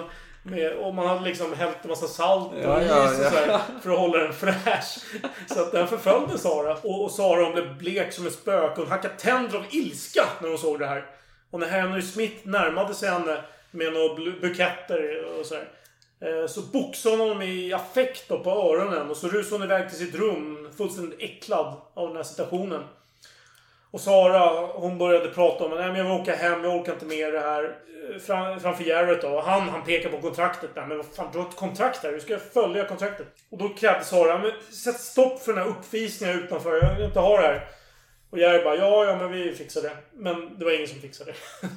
Det var- bara ord liksom. Och... eh, Det kan tilläggas att Jarrett då, alltså han är ju lite suspekt av sig. Eh, För Jarrett har ju ett R under ögat. Som han fick när han skulle försöka få ett kontrakt med Jenny Lind då. Och då var det prata med någon agent och sa så här. Titta, mitt öga läser dina tankar. Då säger den här agenten så här, "Ja, men fan, den är inte så bra. För den kan inte förutse detta. Och så tar han fram en revolver och skjuter mot Jarrett. Mm. Och- Skjuter i ögat där nästan. Och träffar så här, snuddar ögat så han får ett ärr under ögat. Ja. Säger Jerry så här, "Ja, men du, du sitter inte så bra. Så tar Jerry fram sin revolver och skjuter ihjäl den här mannen. Ja, eh, fan det är en Arnold-rulle här. Alltså, nej men Jarrett verkar vara en hårding. Eh, Jo, så han säger så här att eh, Sara säger att han, han har medlidande för kvinnor, men han bryr sig inte om kvinnor. Nej, han är lite psykopatisk. Ja, men, och eh, en människas i, eh, har hand om sitt eget skydd. Alltså man, man skapar sin egen välstånd och sitt eget försvar. Mer eller mindre. Ja, någon slags liberal... eh, Ja men han är tuff. Han, han använder sin revolver när det behövs. Och, eh, Lite korpulent är han också. Ja, Eh, jo. Nämns senare i jo, lite, berättelsen. Jag, vet inte, jag, jag, jag försöker bara beskriva honom med de ord jag kommer ihåg eh, om honom. Men eh, ja, så är det. Och eh, tydligen förföljde den här valen henne. För varje gång hon dök upp i en ny stad så följde den här valen efter. Då. Så att eh, i Hartford, då var valen där också. Eh, Hartford Whalers tänker jag på. kanske därför. Ja. Kanske döpt efter det. Vad- Vem vet? Jag har inte kollat upp saken. Eh, Sara försökte stoppa det här, eh, den här förföljelsen genom att försöka ja, använda lagen. Alltså polisanmäler eller på något sätt får något domslut på att det inte är okej att trakassera henne med den här jävla valen. Eh, men i och med att det finns olika lagar i olika delstater så blir det väldigt svårt. För hon måste börja om processen varje delstat. Ja. Och då, när hon väl har kommit så pass långt så är det dags att flytta vidare. Ja. Så det händer inte så mycket. Men hon blir ju... Ja, hon blir irriterad helt enkelt. Rimligt. rimligt. Men först i Montreal, då slapp hon se den här showen. Eh, och det var tydligen lite att hon hade fått löfte om det. För att Jarrett hade försäkrat henne att Smith kommer inte visa sig i Montreal. För han har plötsligt blivit sjuk. Sen har han... så här- så här Disney-skurkskratt liksom. Och då hade Sara börjat fundera bara, vad fan, vad, vad, vad har Jarrett gjort nu? Har han eh, gett eh, den här Smith en våldsam typ av medicin? Alltså något gift eller någonting? Ja. Det är oklart helt enkelt. Men det var ju tacksamt då att i Montreal, för det var ju en nordamerikansk turné, det var inte bara USA utan jag åkte upp till Kanada där. Så slapp hon valarna. Fantastiskt. Och Kanada, det förlovade landet. Ja, inte för mig. Kanske inte för dig heller. Nej, men, för fransmän. Nja, Fransyskor. Ja, men för Sara i alla fall. För hennes gudfader hade uttryckt med ilska i eh, Saras barndom en förbittring över att man gav upp det territoriet till engelsmännen. Och han hade raljerat över alla rikedomar som finns i dessa landområden. Och Sara, hon hade i sin fantasi då tänkt att Kanada, det är fjärran förlovade landet. Eh, och när tåget närmade sig perrongen, då hördes något mystiskt läte. Så Sara undrade bara, vad fan är det där? Och så växte det i styrka när tåget eh, till slut stannade då i Montreal. Och så var det, när hon väl var framme då så hördes följande ljud. Hurra! Länge leve Frankrike! Det var tusentals röster som ropade. Och ropen backades upp av en orkester som frenetiskt spelade Marseljäsen. Det var liksom riktigt hetsigt. Det var otroligt patriotiskt där. Ja, Det ja. var ju, ja, det är ju De pratar ju franska fransk-Kanada här. i Quebec. eh, Ja, tillresta quebecaner kan man säga. Montreal pratar man ju franska. Alltså det är väl inget. Nej, men det- Quebec brukar man prata om att det är Men, franskt. jo, men Frank, Montreal pratar ju också franska. Jo, jo, jo, visst, ja. Det är ju Absolut, inget absolut. konstigt Nej, nej, nej. Men jag, jag råkar veta att det var tillresta. Men skitsamma. Det är en detalj i sammanhangen. Ja, Sara, men, ja, ja. ja, Sara beskrev det som hundratals björnar som höll upp lyktor när de tittade ut över den här äh, folksamlingen. För de var väl påpälsade helt enkelt. Och det var inte konstigt att äh, de var påpälsade. För det var 22 minusgrader. Och, Det är eh, kallt i Montreal. det är väldigt kallt och de ska transportera sig från den här stationen. Det gick väldigt långsamt för det var så mycket människor där. Svinkallt ute och viskade till Jarrett. Låt oss fortsätta vår färd. Jag förvandlas ju till is. Om 10 minuter så kommer jag inte kunna ta ett enda steg. Och Jarrett, han eh, upprepade Saras ord till andra människor runt omkring. Eh, och det nådde till slut polischefens öra som gav order på engelska till en annan polisman som i sin tur gav order på franska. Eh, som till slut då ledde till att de gav utrymme för henne att ta sig framåt. Men folkmassan blev bara större och större och Sara höll på att svimma. Eh, och då kom det fram en lång ung man som höll upp ett stort papper och läste högt en dikt då på franska till henne. Och dikten är alldeles för lång då för att upprepa här i podden. För jag tycker att den, ja, det, har- det har vi inte tid för. Den är en tveksam karaktär kanske. Det kanske Nej, nej, inte därför. Den, den är väldigt smickrande. Smickrar henne väldigt mycket. Samtidigt som den delvis beklagar sig över Kanadas ogästvänliga klimat. Men hyllar henne för att de trotsar det och så vidare. Och så vidare. Eh, Lång och jävlig. Sara tyckte så här, ja men det är en fin dikt. Absolut, absolut. Men fan, det är svinkallt där ute. Och eh, man spelar ju samtidigt den här marschjäsen frenetiskt i bakgrunden. Det blir Ja, ja. mycket intryck. Ja. Eh, Så hon pallar inte mer. Så hon svimmade av trötthet. Eh, och då var det någon röst som ropade Gör plats för våran franska dam! Och sen helt plötsligt vaknade hon på ett hotell. Windsor, hotellet. Trevligt. Så bara, vad, vad Trevligt. fan vad hände här? Eh, och då hade tydligen, då var det ber- syster då som berättat. Jo men det var någon enorm man där. Någon, eh, ja, han var ju någon slags Herkules. Han, han hade dykt upp och så hade han tryckt undan pöben. Och så hade han tagit Sara i sina armar och burit bort henne och räddat henne från stationen. Ja, fantastiskt. Och nästa dag fick Sara ett kort med följande text. Han som hade nöjet att rädda er, Madame, ber om att er godhet beviljar honom ett kort besök. Ja, rimligt. Absolut. Sara lät honom stiga på. Uttryckte sin tacksamhet och tog emot en blombukett med violer. Eh, och eh, ja, efter det här korta trevliga besöket skulle han gå därifrån. Då sa han med låg röst. Om du någonsin får höra talas om mig så svär att du bara kommer att minnas den korta tjänsten som jag gjorde dig. Det här var mystiskt. Mystiskt. Ja, jo. Jarrett kom in. Fick syn på den här mannen. Började tala på engelska här. och Sara uppfattade ett par ord. Hon uppfattade orden detektiv. Eller detektiv, det kan ju betyda polisman. Vad vet jag. Dörr. Mord. Omöjligt! New Orleans. Okej, väldigt kryptiskt där. Ja, minst sagt. Men mannen i alla fall. Han eh, vet ju precis vad det här handlar om. Han inser att en flykt är omöjlig. Och han ropade bara Jaha! Och eh, senare då när hennes syster skulle berätta om det här horribla som hade hänt. Så höll Sara för öronen. För hon hade lovat mannen. Jag, jag vill inte veta. Jag vill inte veta någonting som har med den här mannen att göra. Jag vill bara komma ihåg att han räddade mig. Men fyra månader senare då, då berättar man om den här hängningen av denna man. Men Sara hon, hon höll för öronen. Nej, jag vill inte veta, jag vill inte veta. 26 år senare, när hon skrev biografi. Eh, då vet hon allt vad som har hänt. Och då vill hon fortfarande bara, nej men jag, jag vill bara minnas den här korta tjänsten. För jag gav mitt ord. Så är det. Så det här var någon mördare av något slag. Jag har inga detaljer om det, men det verkar vara så. Hedersamt. Ja, så är det.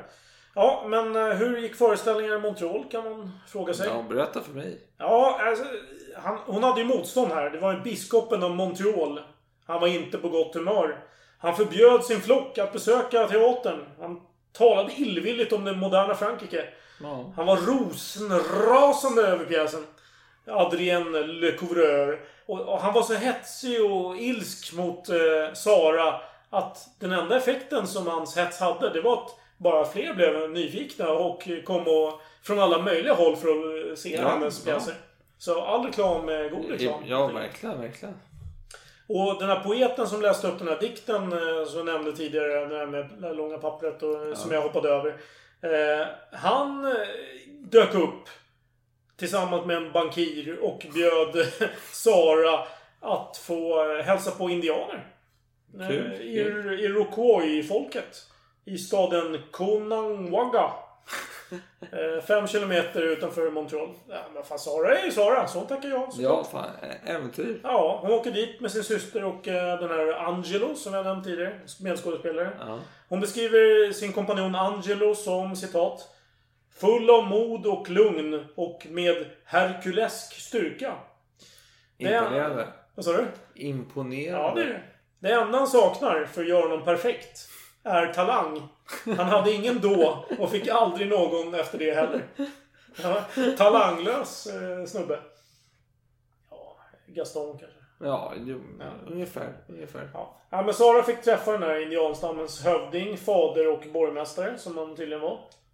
Eh, denna indian kallar sig för Nätternas sol. Han var son till den stora vita örnen. Imponerande namn här. De imponerande namnen till trots så var han inte så imponerande eh, egentligen. För han var klädd i beklagliga västerländska trasor. Han sålde sprit, tyg, nål, grisfett, choklad och lite annat.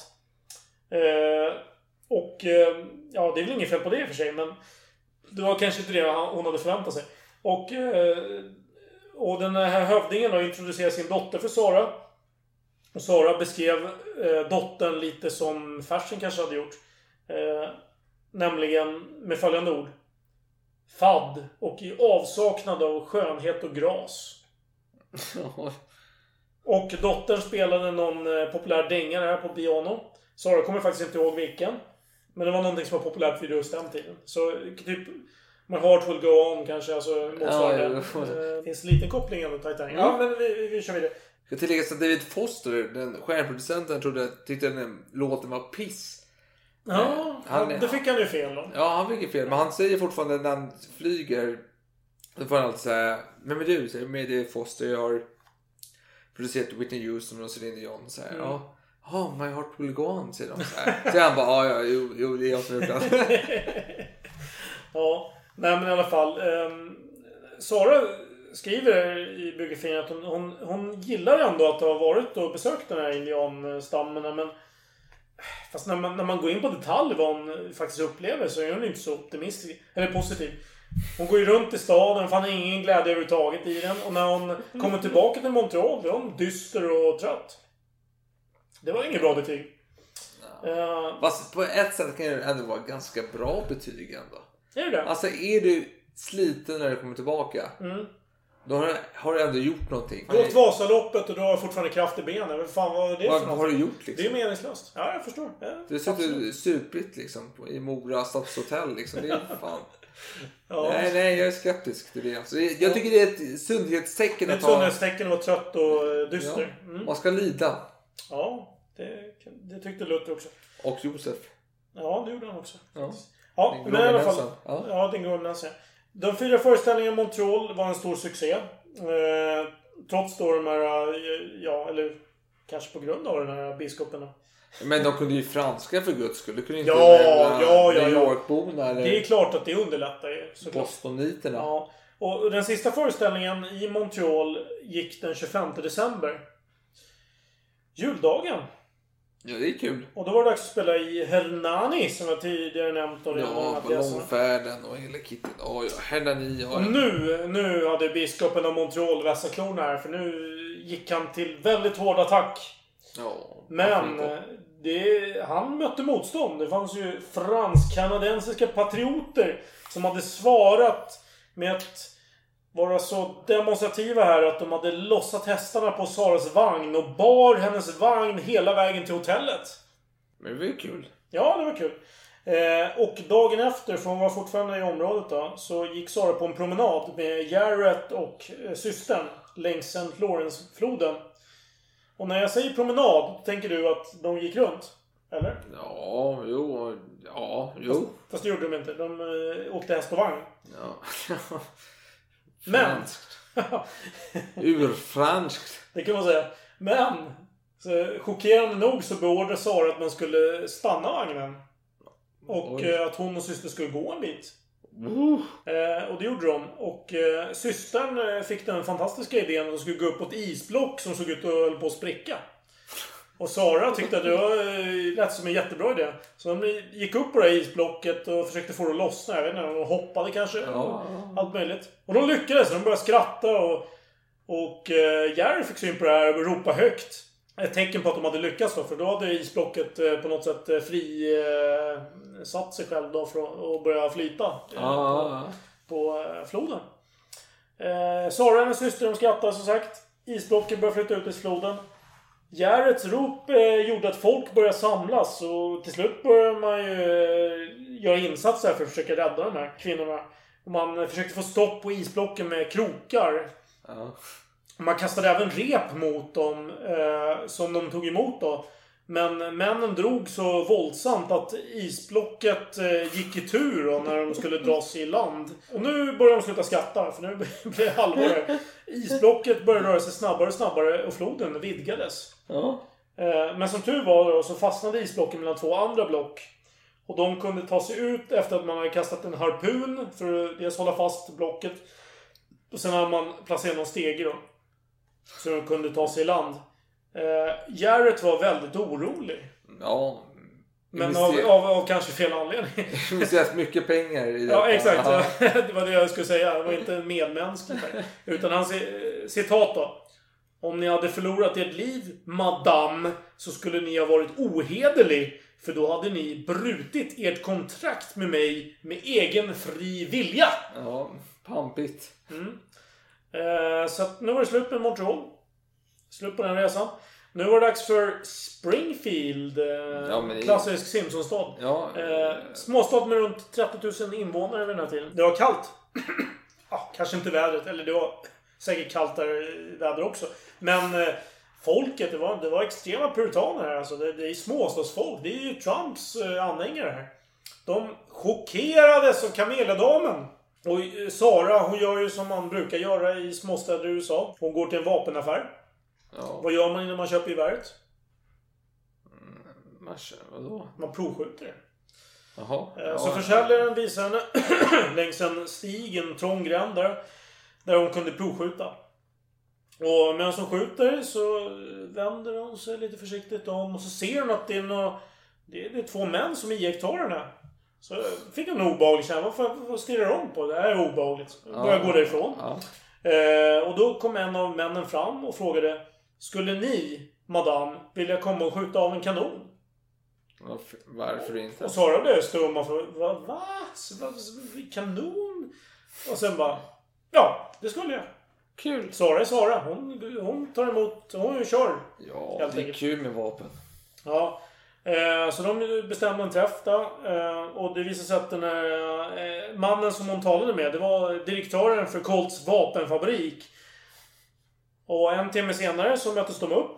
Och då var även ett 30-tal andra där, för det är klart alltså, det är reklam? Det- Ja, fan. Man vill ha dit massa Det folk. säljer. Ja. Så de var tydligen inbjudna. Eh, dök upp då.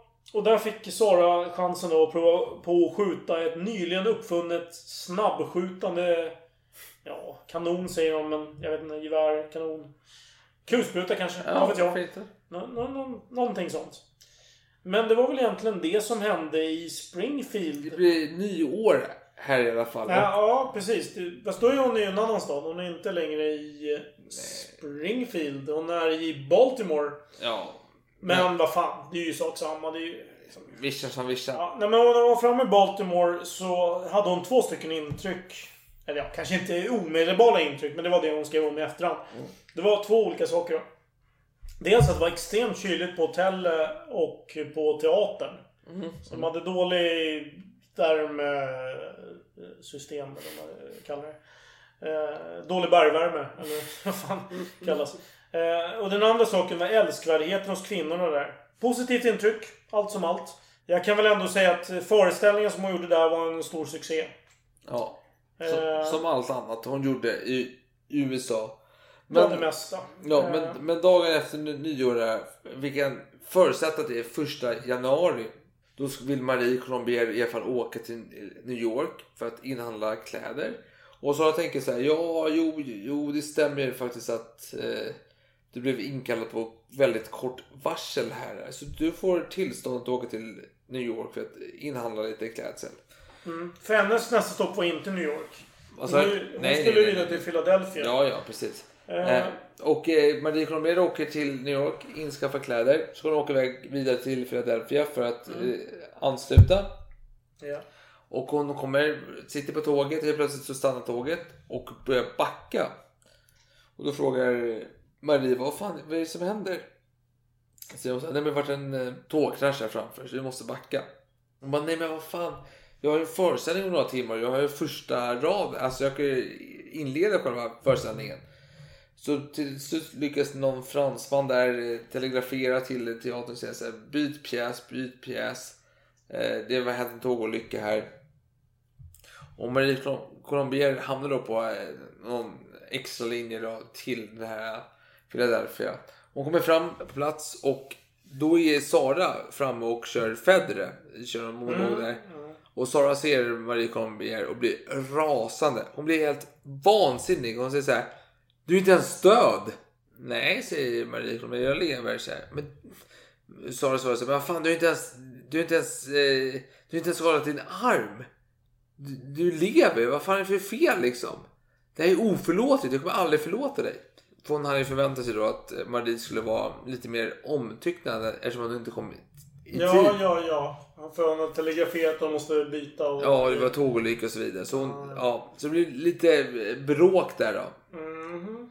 Men eh, jag vet inte. Det gick vägen i alla fall.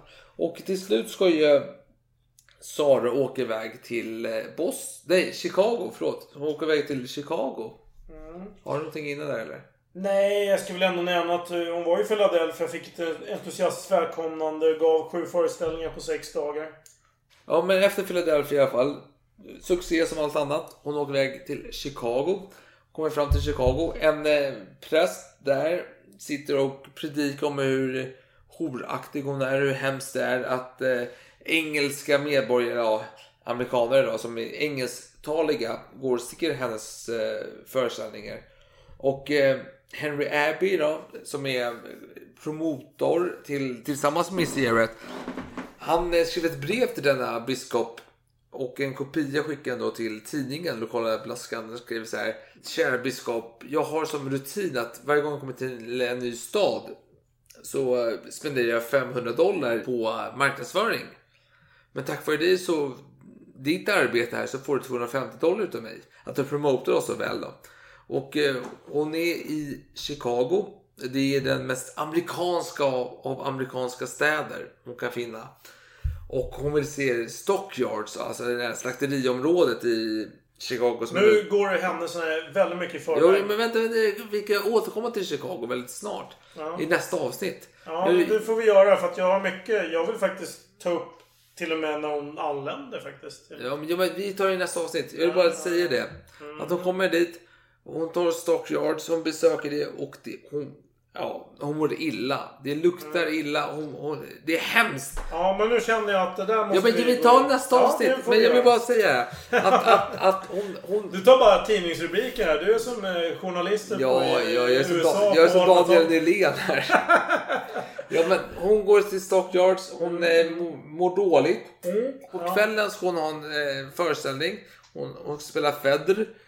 Eh, och hon går upp på scenen hon mår fortfarande illa. Ja. Så hon svimmar mitt under akten. Ja, ja. Fast vi, du, vet du vad? Det här känns ju som att du tar ju russinen ur kakan här. Ja, men det Och så är måste ju- vi bjuda på kakan ändå alltså. Ja men det är ju... ja, Vadå, vad, vad, ska, alltså, vad, vad, ska du, vad ska du tillägga som är så jävla viktigt? vad hon äter till frukost eller? Vad, Jag ska brodera ut Ja, men brodera ut det då, brodera ut det. Jag ska mjölka kossan. Ja men mjölka Var, varsågod. De kommer till eh, Chicago, vad händer? Ja? Okej, då ska jag berätta vad som händer. Först och främst. Det är en grupp kvinnor som möter upp henne vid stationen. Hon får en blombukett av en Madame Lilluby. Och vad är det för vikt för detta? Nej, det är ingen vikt. men jag- Nej, hoppa över det. Ja, okej, okej. Hon visas in på ett rum eh, vid stationen. Där en fransk konsul höll ett väldigt känslosamt Men det, trevligt är, tal. men det har varit... Men- vänta, vänta, Vänta, vänta, vänta, jag kommer här. Jag- jag vill bygga en stämning En fransk konsul har varit i varenda stad hon har hamnat i så har varit en fransk Jo. konsul som har hållit jo, tal och spelat Marseljäsen. Kom med något sig- nytt. Kom med något ja, nytt. Ja, men Sara kände sig väldigt väl till mods här. Hon, hon gick därifrån, men så stillade hon plötsligt till. För hennes... Hon fick ett lidande ansiktsuttryck som skrämde upp folk runt omkring henne. De var beredda att hjälpa henne, för de tänkte oj, hon, är, hon ser ju väldigt sjuk ut. Men helt plötsligt så ändrades hennes ansiktsuttryck till det av ilska. Varför är Sara ilsken? Jo!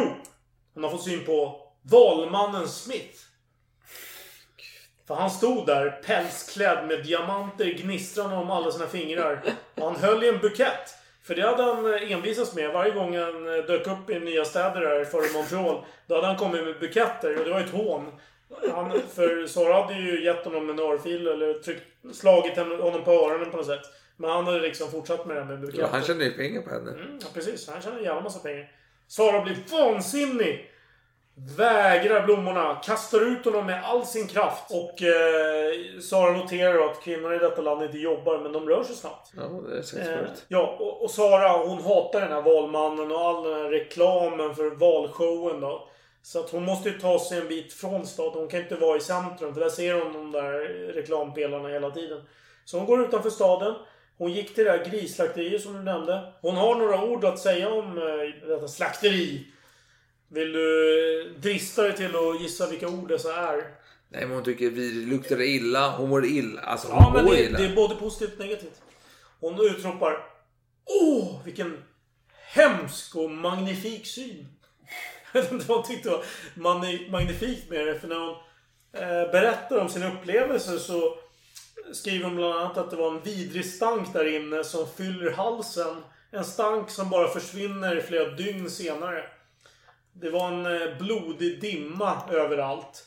Ett eh, lätt moln vid sidan av ett berg som lyser upp av en soluppgång. Alltså det var en slags eh, skimrande, eh, Jo, men obehaglig... det var ett stort område. Alltså det här var ju någonting magnifikt på så sätt. Sen att det var ett slakteri. Ja. Alltså det var ju kvarter... Ja, Men hon utanför kände sig väl lite som att gå runt i helvetet liksom. För det var infernaliska ljud.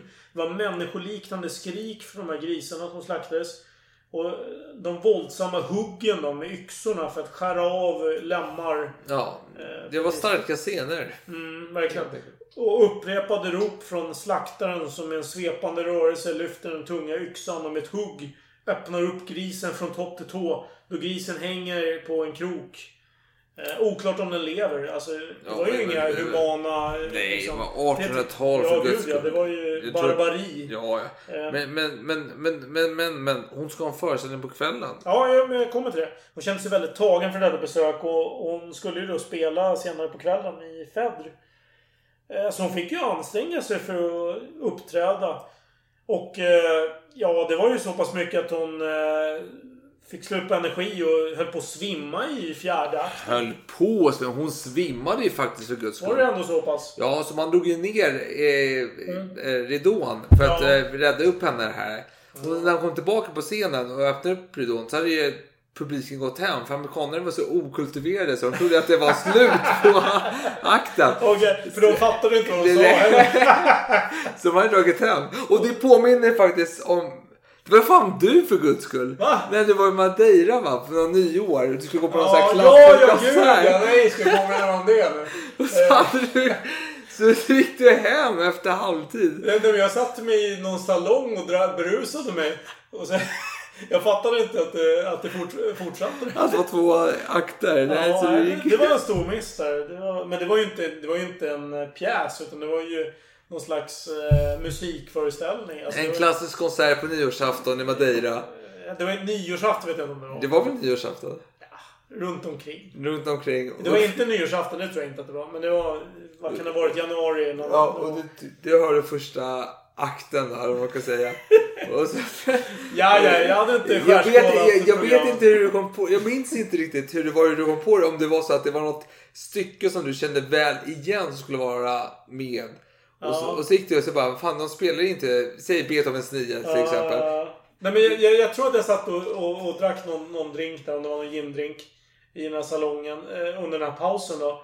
Jag satt där kanske lite väl länge för sen har jag för mig att jag hörde någon ljud och då insåg jag bara fan de har börjat det här. Men nu, Nej men du hade ju gått hem har jag för mig. men hur kunde jag då inse att eh, jag hade missat halva? Det låter Nej, för att du läste på programmet att du skulle spela typ Beethovens 9 eller någonting. Och så bara, fan den, var inte med. Ja, du minns det här bättre än jag. jag, Ja, jag, jag, det var ju väldigt säga kul. Det var väldigt okultiverat. Om man säger. Nej, väldigt nej det, det tycker jag. Alltså för att vara, jag var inte madeiran. Det, Nej. det kan man eh, konstatera. Ett roligt minne. Ja, nej. Och när Sara kände sig klar med Chicago, hon hade uppträtt färdigt. Då dök de här damerna upp igen. De som välkomnade henne när hon kom till tågstationen. De hade med sig ett magnifikt diamanthalsband. För hennes sista föreställning som de gav till henne. Fantastiskt trevligt. Och eh, efter detta så åker vi vidare till St. Louis. Jag tycker att vi kanske kan avsluta där. Jag, Chicago känns som en Ja, men det är väl dit eh, Tintin i Amerika kommer till. Ja. Och han lämnade väl till Chicago i början. Så varför inte? Det är väl ändå en mellanalbum där. Jag tyckte inte det gav så mycket den här Tintin i Amerika. Men det är väl, alltså vadå? Va? Va? Det var ju Det är- ganska... Ja. Det är en av de Men det- starkaste. Jo, men det är det man Nej. älskade som ung. Nej. Kung Ottokar Spire är väl kanske den bästa. Jag tänker på de... Eh, vad heter de? eh, Bollarna där. Sju bollarna. Eh, eh, Är det en porrfilm? nej, nej, nej. Gud. vad fan heter det? Eh, oh, Sjukristallerna. sjuk, ja, precis. Kristallerna. Nej, jag får läsa om det helt enkelt. Jag har en del att läsa om. Och se om. Åh, för fan. Alltså Åh. du har ju inte druckit någonting. Jag förstår inte hur, hur du kan vara så jävla full. Alltså jag Jag förstår har ju inte. druckit... Vad har du druckit? Jag har du druckit? den här... eh, Sätt första- dig ner och drick nu. Roman, alltså romanérflaskan, du, du drack ett halvt glas. Nej. Du drack inte ett piss utav Jag det. drack hur mycket som helst. Du drack inte ett piss Alex. Du drack inte ett piss. Du har inte ens rundat av. Vad håller du på med? Håller på att klä på dig? Du ska men ju jag har ju avsluta. en taxi som. Men varför... Vänta, den kommer inte nu? Ja men du måste ju få en besked. Du kan ju inte bara gå ner och Vi vänta. är på väg så. Ja men det kan ju ta 20 minuter. Sätt dig ner. Drick så länge. Jag mår ju Vi ska avsluta. Ja, ja men sätt dig ner för fan. Okej, du kan sitta här och vara nykter så kan jag dricka. Så ska vi avrunda detta avsnitt. Du har rätt. Vi avslutar detta avsnitt just nu. Vi återkommer med del 11 om två veckor. Viktigt meddelande till allmänheten. Nu så tar vi en välbehövlig rast från detta förtappade fruntimmers gruvliga eskapader för att istället avhandla mustiga historier om manliga öden. Jag repeterar. Det är dags för en omvälvande ämnesrokad där Venus får göra plats för Mars. Slut på meddelande. Eh, vi finns på Facebook, Instagram och så vidare. Bla bla bla. Skål med fan. Ja, skål igen då.